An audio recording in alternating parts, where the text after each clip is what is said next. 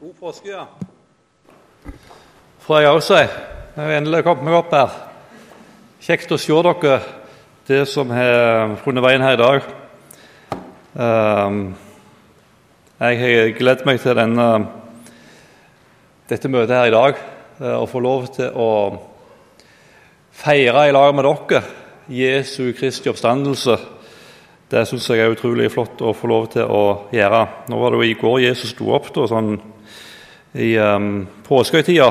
Men så tenker jeg nå er vi samla her i dag, og så skal vi få lov til å feire det i fellesskapet. At Jesus han er ikke død. Han, uh, han lever, og han er virkelig, og han lever i dag. Og det syns jeg er så utrolig flott å få lov til å, å dukke ned i og glede seg over og være takknemlig over. Og Vi har lyst til å takke deg, Jesus, for at vi får lov til å være her i lag med deg. Takk for at du er her. Du har sagt at der eh, to og tre er samla i ditt navn, så vil du, Jesus, være der midt iblant dem. Og vi tror virkelig at du, Jesus, er her. Og så ber vi at du må, at du må møte oss denne de minuttene vi har i lag nå. Takk for det vi allerede har fått møte fra deg. Og så ber vi bare ganske enkelt om at du må møte oss videre i dette møtet. I ditt navn. Amen. Vi skal lese ifra Det sto egentlig feil i programmet, da, men er, vi skal lese teksten for dagen fra Lukas evangeliet kapittel 24, fra vers 36. Og der står det Mens de snakket om dette, sto Jesus selv midt iblant dem og sa:" Fred være med dere. De ble forferdet og redde, for de trodde de så en ånd. Men han sa til dem, Hvorfor er dere grepet av angst, og hvorfor våk våkner tvilen i hjertet deres? Se på hendene og føttene mine. Det er jeg. Ta på meg og se. En ånd har ikke kjøtt og bein, som eh, dere ser at jeg har. Dermed viste han dem hendene og føttene sine. Da de i sin glede ennå ikke kunne tro, men bare undret seg, spurte han dem, Har dere noe å spise her? De ga ham et stykke stekt fisk, og han tok det og spiste det mens de så på. Så sa han til dem, Det var dette jeg talte om da jeg ennå var sammen med dere, og sa at alt måtte oppfylles som står skrevet om meg i Moseloven, hos profetene og i salmene. Da åpnet han deres forstand, så de kunne forstå Skriftene. Jeg har lyst til at du skal Dette er jo noe som skjedde på slutten av første påskedag. Jeg har lyst til at uh, vi skal sette oss inn i hva var det som egentlig skjedde denne dagen her. For det var en ganske, var en ganske innholdsrik dag i disiplene sine liv. Jesus hadde stått opp igjen. Kvinnene finner grava tom. Peter og Johannes møter den tomme grava. Jesus viser seg for Peter og Maria Magdalena. Det var englebesøk. Og På veien mot, mot Emmaus viste Jesus seg for de to disiplene. Og jeg tenker Når jeg leser om alt det der, det er som om hele, hele himmelen er i aksjon for å fortelle om at Jesus han virkelig er stått opp igjen. Det er som om jeg ser at hele himmelen har sånn kriblende lengsel etter å fortelle til disiplene at nå er Jesus virkelig stått opp ifra de døde. Så står det altså disse, om disse to glade disiplene som kom ifra Emmaus og fortalte om det de hadde opplevd. Det står rett før det vi leste. Um, og De brøt opp med en gang og vendte tilbake til Jerusalem. Der fant de alle de elleve og vennene deres samlet, og disse sa:" Herren er virkelig stått opp og har vist seg for Simon. Så fortalte de to om det som hadde hendt på veien, og hvordan de hadde kjent ham igjen da han brøt brødet. Og Midt inn i denne situasjonen her, da disse to disiplene kom tilbake igjen fra Emmaus, så står Jesus der rett framfor dem. Mens de snakket om dette, sto Jesus selv midt iblant dem og sa, 'Fred være med dere'. For en dag! For en opplevelse for disse vettskremte disiplene. For det hadde jo vært litt av ei uke de hadde gått igjennom. De hadde gått ifra Hosianna-rop til korsfestelsen, der de sto på palmesøndag og tenkte at her er jo den store kongen. Og så er veien til korset. Det går da utover den veka. På denne lidelsens vei fra Getsemane til korset så måtte Jesus gå alene. Og så dør Jesus på korset. Og så er det som om alt håp de har hatt, det er fullstendig ute. De satt bak stengte dører i redsel for hva som ville skje med dem etter det som var skjedd med Jesus. Kanskje er vi de neste som eh, skal bli tatt av dage.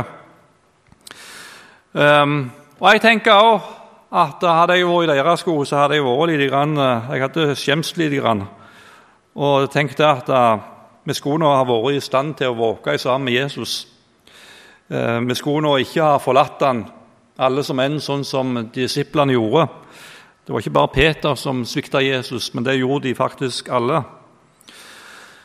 Um, og så tenker jeg òg uh, Hvis de hadde forstått det Jesus sa, for han sa jo noe før han gikk opp til korset for å dø I Matteus evangeliet kapittel 20 så står det om at 'jeg skal opp til korset for å dø'. Uh, 'Jeg skal bli overgitt til eh, til hedningene. Jeg skal bli håna, piska og korsfesta.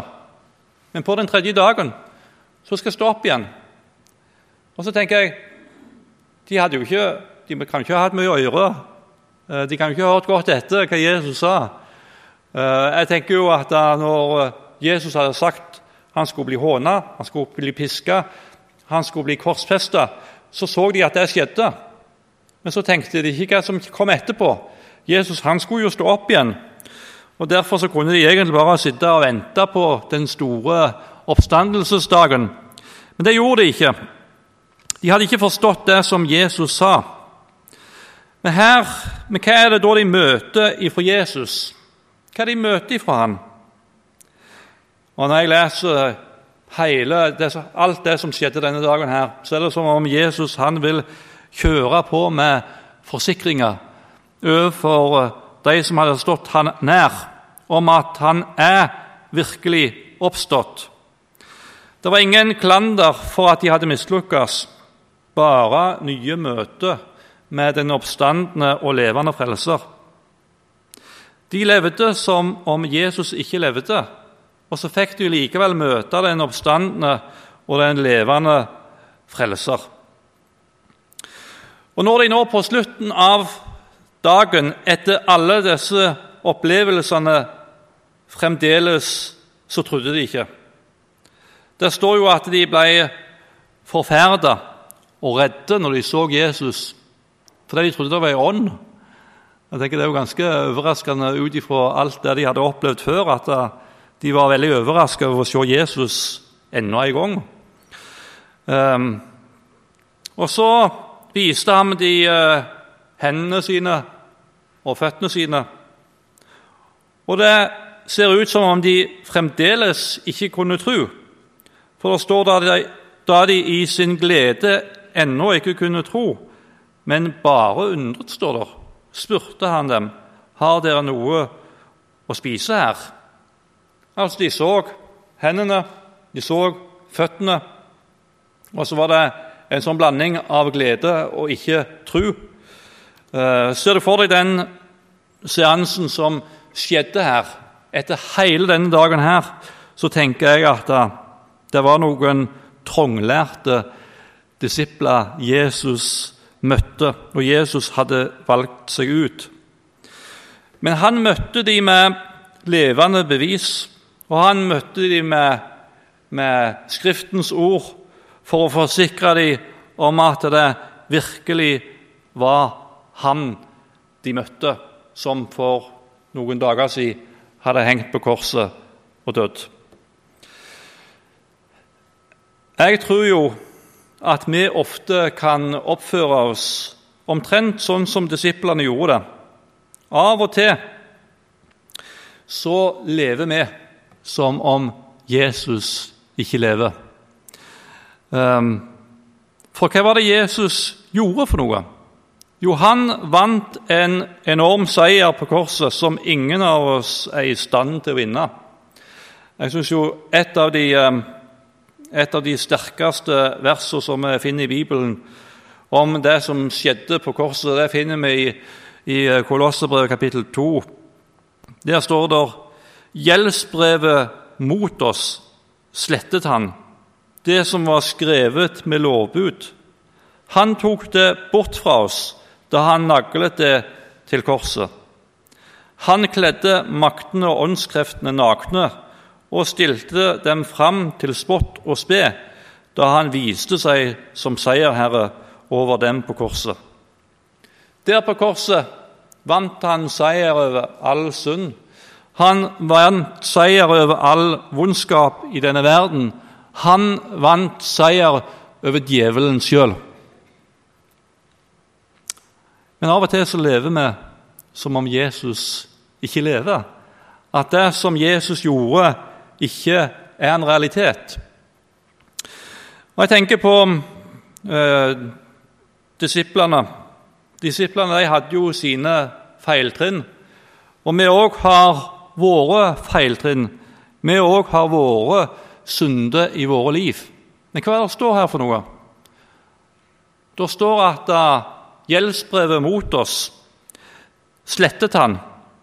Det som var skrevet med lovbud, han tok det bort fra oss da han naglet det til korset. Og så kan vi i våre liv med Gud gå og kjempe med en dårlig samvittighet for utilstrekkelighet, for at vi har gjort våre feiltrinn i livet. Det er noe av det samme vi ser i disiplene sitt liv. Det var ikke mye frimodighet å spore i deres liv etter det de hadde opplevd i lag med Jesus, um, før han gikk opp til korset for å dø. Men Jesus, han tok det bort. Og hvor er det hen, da? Hvor er det hen? Hvis Jesus har tatt det bort, hvor er det hen? Da er det vekke. Um, hvis vi går noen år tilbake i tid, i bibelhistorien, der uh, Johannes ser Jesus komme gående, og så peker han på Jesus, og så sier han Se der Guds lam som bærer verdens synd. Så Jesus er oppstanden. Han har tatt bort all synd.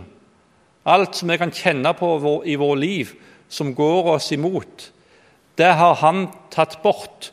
For han nagla det til korset og fjerna det. Ehm, så vi kan få lov til å glede oss over at Jesus lever. For det står jo det Jeg har ikke med meg her i, eh, i, på skjermen, men det står det i apostelgjerningene om at det var umulig for døden å holde på Jesus. Og Døden kom jo inn som et resultat av synd. Men Jesus han tok med seg all synd opp på korset og tok den bort. Og Derfor så var det umulig for døden å holde fast på Jesus, så Gud måtte reise Jesus opp ifra de døde. Så sier du ja, men jeg kjenner på så mye her. Men det er borte. Det er ikke lenger en realitet. Jesus har tatt all synd på seg og fjerna henne. Derfor kan vi få lov til å kjenne på en djup takknemlighet over at Jesus lever. For det var umulig for døden å holde fast på Jesus. Han tok bort all synd, så Gud måtte reise han opp ifra de døde. Og så kan vi få lov til å kjenne på en takknemlighet over at Jesus, han virkelig lever. Um, disiplene trodde at nå var alt håp ute. Um, Jesus hadde blitt spikra på korset. Han var død. De så han ikke lenger. Og bare for litt siden så trodde de at han var faktisk den store, den store redningen. Um, og jeg kan godt tenke meg Når de sto der på palmesøndag, så, palmesøndag, så tenkte de at ja, nå skal vi beseire verden. Og så går det noen dager, og så er Jesus død.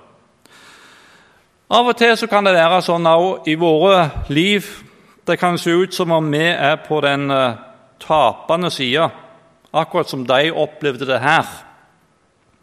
Men de møtte den levende frelser som hadde beseira djevelen og all motstand.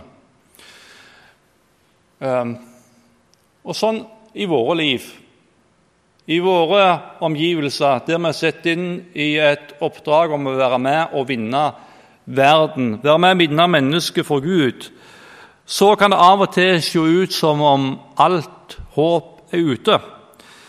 Men Jesus han sa jo litt seinere, i Matteus 8 og 20, så står det at eh, Jesus han trådte fram og talte til dem.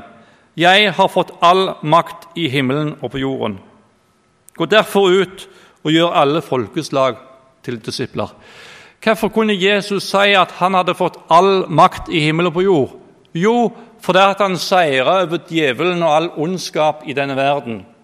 Av og til så går vi på tå hev fordi vi tror at de andre er så mye sterkere. Men Jesus han har seira. Han har seira over all vondskap i denne verden.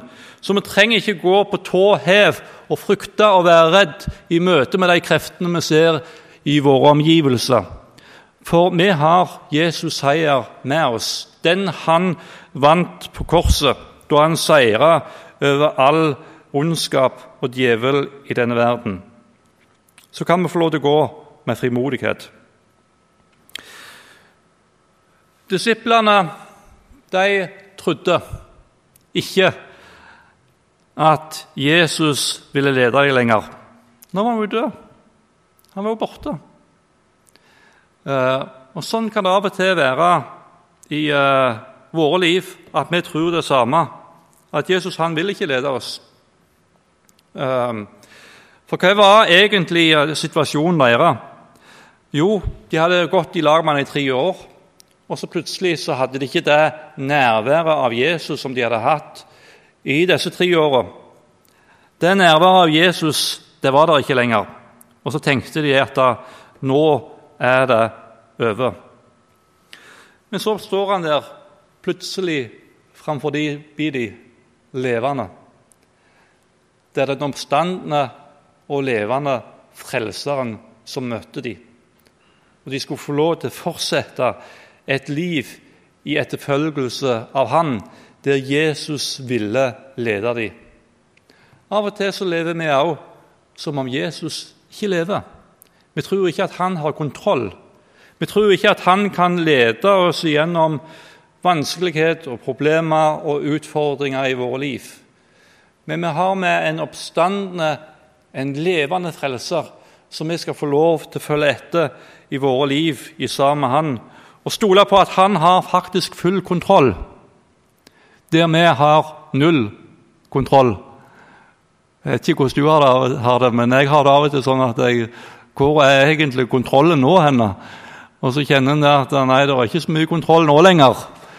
Men da å få lov til å lene seg over på Jesus Du lever. Du er her nå. Du er en levende frelser. Jeg skal få lov til å stole på at du, Jesus, har full kontroll. Jeg skal få lov til å slappe litt av. Jeg skal få lov til å slappe litt av for at Jesus han har full kontroll. Og Så tenker jeg på det livet som de levde etterpå. Det var ikke sånn at livet der gikk på skinner og livet var en dans på roser videre. Det var Eh, jeg tror de har opplevd mye mer heftige ting enn kanskje noen av oss noen gang kommer til å oppleve. Der de eh, for rundt og fikk lov til å være med og forkynne evangeliet, men sannelig vi fikk det gjennom å gå av når de ble forfulgt fordi de fortalte om den Jesus som de trodde på. Men de fikk lov til å oppleve at Jesus ledet dem. Livet i etterfølgelse som de ble kalt inn til for tre år tilbake i tid da de sto der ved Genesasjøen og sa, Jesus sa 'Følg meg, så skal jeg gjøre dere til menneskefiskere', så var ikke det et avslutta kapittel med korsfestelsen. De fikk lov til å fortsette et liv i etterfølgelsen av Han og oppleve at Han leder dem steg for steg gjennom alle utfordringene som de opplevde. Så var Jesus der. Det var ikke tomme ord. Jesus kommer, men det var levende ord. Og de fikk oppleve at det var en realitet òg for dem. Um, og Sånn skal vi òg få lov til å stole på Jesus i våre liv i etterfølgelsen av Han. Og så er jeg sikker på det at uh, disiplene de trodde at nå når Jesus er død, så er det det siste vi ser til han. De trodde at døden det var det siste. Men Jesus han sto opp igjen ifra de døde. Um, og Jeg tror ofte vi òg kan være veldig, vi kan være veldig uh, jordiske i våre blikk, der vi tenker at det det vi får ut av livet her, som er det, det viktige og det siste. Vi kan av og til leve sånn. Uh, men det er ikke det siste. Takk og lov. Takk Gud for at det er ikke det siste. Uh, det er jo bare Hvis du tenker på, på evigheten i forhold til til det livet vi har her nede, så er det, egentlig, det er ikke en dråpe i havet engang imot det som venter meg over på den andre sida. Um, det står i 1. Peters brev, kapittel 1, vers 3 og 4 der. Jeg syns det er noen fantastiske vers. Lovet være Gud, vår Herre Jesu Kristi Far, Han som i sin rike miskunn har født oss på ny til et levende håp ved Jesu Kristi oppstandelse fra de døde, til en arv som aldri forgår, aldri skitnes til og aldri visner. Det er håpet vårt. Det er jo derfor, det er vel derfor vi tror på Jesus, er det ikke det? På grunn av dette levende håpet som han har gitt oss. Et håp som aldri forgår. En arv som aldri forgår som aldri skitnes til, og som aldri visner. Vet du hva, Jeg, jeg er jo ikke så gamle karen ennå, men jeg, eh, jeg gleder meg. Jeg gleder meg til å få komme, komme til Gud. Jeg. Komme hjem til himmelen. Komme til Jesus, der han er. Og alle de andre som tror på han, skal få lov til å være med han for alltid. Um, jeg av og til i min, eh, i min enkle, enkle, fantasi så har jeg tenkt at uh, Jeg har tenkt på hvem er det som er i himmelen. Jo, så, så treffer jeg uh, Abraham, og så Jeg lurer på hvordan han ser ut, da. Så treffer jeg Paulus og jeg får prate litt med dem. Um, alle disse andre, andre store folka som vi leser om i Bibelen, som er hjemme hos Gud. Og så er jeg der. Og så er jeg der midt iblant alle disse folka her. Men det største av alt når jeg en gang kommer hjem Det er jo det som egentlig er heimen vår. Nå bor jeg jo på Laksevåg, men det er jo bare midlertidig. Det er midlertidig bosted. For jeg skal jo hjem. Hjem til Gud. Det er mitt egentlige heimland. Og så får jeg eh, Og så ser jeg Jesus. Og så skal jeg få lov til å gå bort til han. Og så skal jeg få lov til å ta han i hånda. Og så sier de Jesus, 'Jesus, takk for at jeg fikk lov til å komme inn her.' 'Takk for din død på korset.' 'Takk for at du tok på deg all min synd og all min skyld.' 'Du tok det bort, og du nagla deg til korset.' 'Takk for at du ga meg muligheten til å få lov til å komme inn i himmelen.' Og så skal jeg få lov til å prise Han hele evigheten. Og Jeg tror ikke det blir kjedelig akkurat. Eh, og, da er det jo ikke, Av og til så kan jo jeg kjenne på når vi, når vi skal få lov til å lovsynge Gud lovsynge Jesus, så er det ikke alltid at hjertet mitt er med. Jeg vet ikke hvordan det er med deg, da, men sånn er det av og til med meg. Ikke alltid at hjertet mitt er med. Men tenk du, når jeg kommer frem til Gud, så skal alle, alle ting som jeg kjenner på, som skulle hindre meg i fullt ut lovprise Han, det vekker. Det er ikke der lenger. Jeg skal få lov til å prise Han hele evigheten. Og det ser jeg fram til. Um, Jesus han ønsker å forsikre oss om at han lever, at han er oppstått. Han er ikke lenger i grava. Han har seira. Han har gitt oss håp på tross av vår skrøpelighet. All vår synd er borte. Vi har fått en åpen himmel. All vondskap er beseira. Og så kan vi få lov til å takke Gud og rope halleluja. Takk, Gud, for at du sendte din sønn Jesus Kristus. Så vet jeg hvor du er hen i livet. Det kan være du er som disiplene, at du er litt treig til å tro. Jeg vet ikke hvordan det er med deg, da, men det kan av og til være sånn i vårt liv at du er litt treig til å tro. Men da skal du, når du tenker på det, så skal du få lov til å tenke på hvordan var det Jesus møtte disse disiplene som var egentlig veldig treige til tro. Hvordan var det han møtte dem? Han møtte dem ikke med fordømmelse. Han møtte dem ikke med forakt. Men han møtte dem som den oppstandende og levende frelser gang på gang. Og så hva var det mer han gjorde? Han brukte Skriftens ord. Han åpna deres forstand. Han begynte fra Mosebøkene, fra profetene, fra alle salmene. Og så viste han, viste han for dem at det var virkelig han disse det gamle testamentet handla om. Det var han det var skrevet om. Og så åpna han deres forstand, og så kjente de at dette er virkelig sannhet. Så, så, tenk på det. Når du kjenner på at du er litt treig til tro, så skal du få lov til å tenke på at sånn som Jesus møtte disse disiplene, sånn ønsker han å møte deg.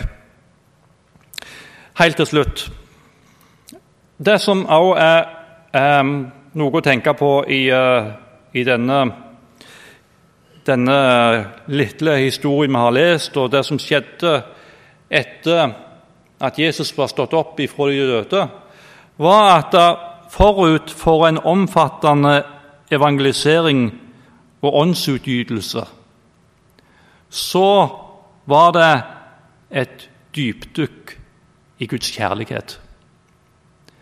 Um, av og til så kan vi få et inntrykk av at vi skal bare stramme oss opp og ut og redde verden.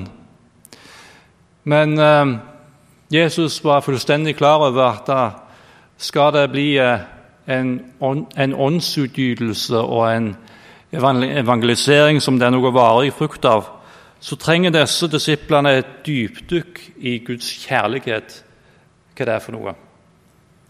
Um, og kanskje er det noe av det vi trenger inn i våre liv eh, for å kunne ha noe å bringe ut til den verden som ennå ikke kjenner Han.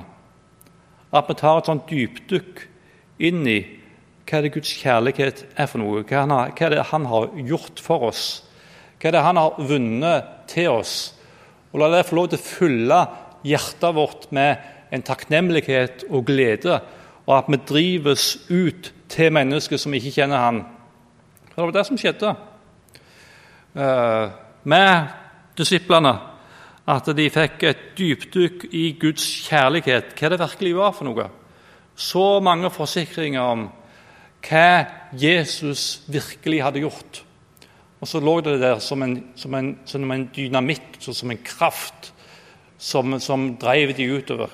Hva er det Paulus sier? At Kristi, Kristi kjærlighet tvinger oss. Det var ikke hans kjærlighet til Kristus som tvang han ut til mennesket som ennå ikke trodde. Men det var, hans, det var Guds kjærlighet til han som var det drivende i hans liv. Og Det må det også få lov til å være i vårt liv. Så kanskje er det det du skal tenke, at jeg trenger faktisk et dypdykk inn i Guds kjærlighet. Og at det får lov til å være en drivkraft i ditt liv i sammen med Han ut til mennesker som ennå ikke kjenner Han. Herre Jesus, jeg har lyst til å takke og prise deg. Takke og prise deg for din død, Herre. Takk for at du tok med deg all synd og all skrøpelighet opp på korset. Du spikra den fast, du tok den bort, du sletta det ut, Herre. Det er ikke lenger. Så når vi kommer til deg og forteller hva vi har gjort, for noe, så vet ikke du om det, Herre. For du har jo tatt det bort da du nagla det til korset. Du står bare der som et spørsmålstegn. Hva er det egentlig du kommer med? Du har sona vår synd. Du har tatt den bort, Herre. Takk for din seier over djevelen, Herre, over all ondskap i denne verden. Takk for at vi skal få lov til å stole på din seier. At det ikke bare er noe tomme, tomme ord som vi kan lese om i Bibelen, her, men det er levende virkelighet, det er realitet, Herre. At du har vunnet over djevelen og all ondskap i denne verden. Derfor kan vi få lov til å gå ut med frimodighet, Herre, til den verden som ikke kjenner deg, og ut i de utfordringene utfordringene kan være i møte med åndsmakter i, uh, i, denne verden. For du har seira, Herre. Du har overvunnet alt.